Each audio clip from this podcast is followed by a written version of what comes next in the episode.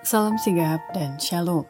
Renungan kita pada hari ini, Senin 18 Desember 2023, berjudul Kita akan melihat kemuliaan dan kehormatannya.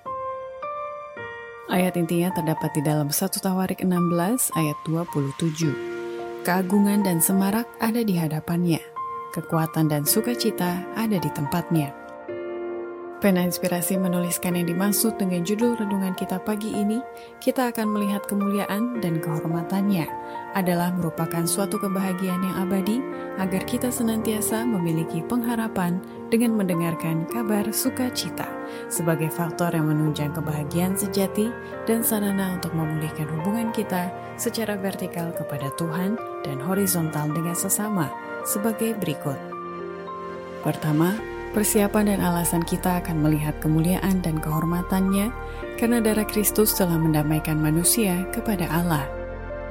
Pada lambung yang koyak itu, manakala darinya mengucur darah berwarna merah yang mendamaikan manusia kepada Allah, terdapatlah kemuliaan juru selamat, di sanalah terselubung kekuatannya, dan bekas-bekas kehinaannya merupakan kehormatannya yang tertinggi, dan sepanjang zaman yang kekal, luka di Golgota itu akan menunjukkan pujian baginya dan menyatakan kuasanya.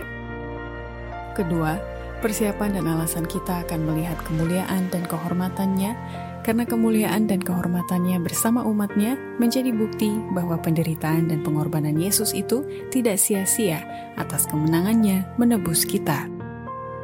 Pada hari itu umat tebusan akan bersinar dengan kemuliaan Bapa dan anaknya, malaikat-malaikat surga memetik kecapi emas mereka akan menyambut sang raja dan mereka yang merupakan piala kemenangannya, mereka yang telah dibersihkan dan menjadi putih dalam darah anak domba. Nyanyian kemenangan akan berkumandang memenuhi seisi surga.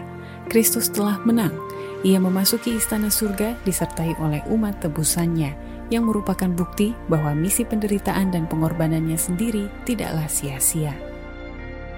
Ketiga, Persiapan dan alasan kita akan melihat kemuliaan dan kehormatannya bila mana kita ikut serta berpartisipasi mempercepat kedatangan Tuhan Yesus yang menghasilkan buah demi kemuliaannya dan tujuan kedatangannya adalah untuk mengumpulkan biji matanya yang berharga adalah kesempatan bagi setiap orang Kristen tidak hanya menantikan, tetapi juga mempercepat kedatangan Tuhan Yesus Kristus.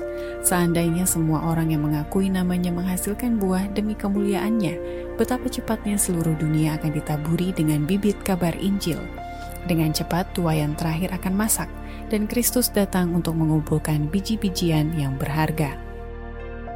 Keempat, persiapan dan alasan kita akan melihat kemuliaan dan kehormatannya bila mana kita ikut berperan aktif dalam mengumandangkan pekabaran malaikat ketiga dengan suara yang nyaring.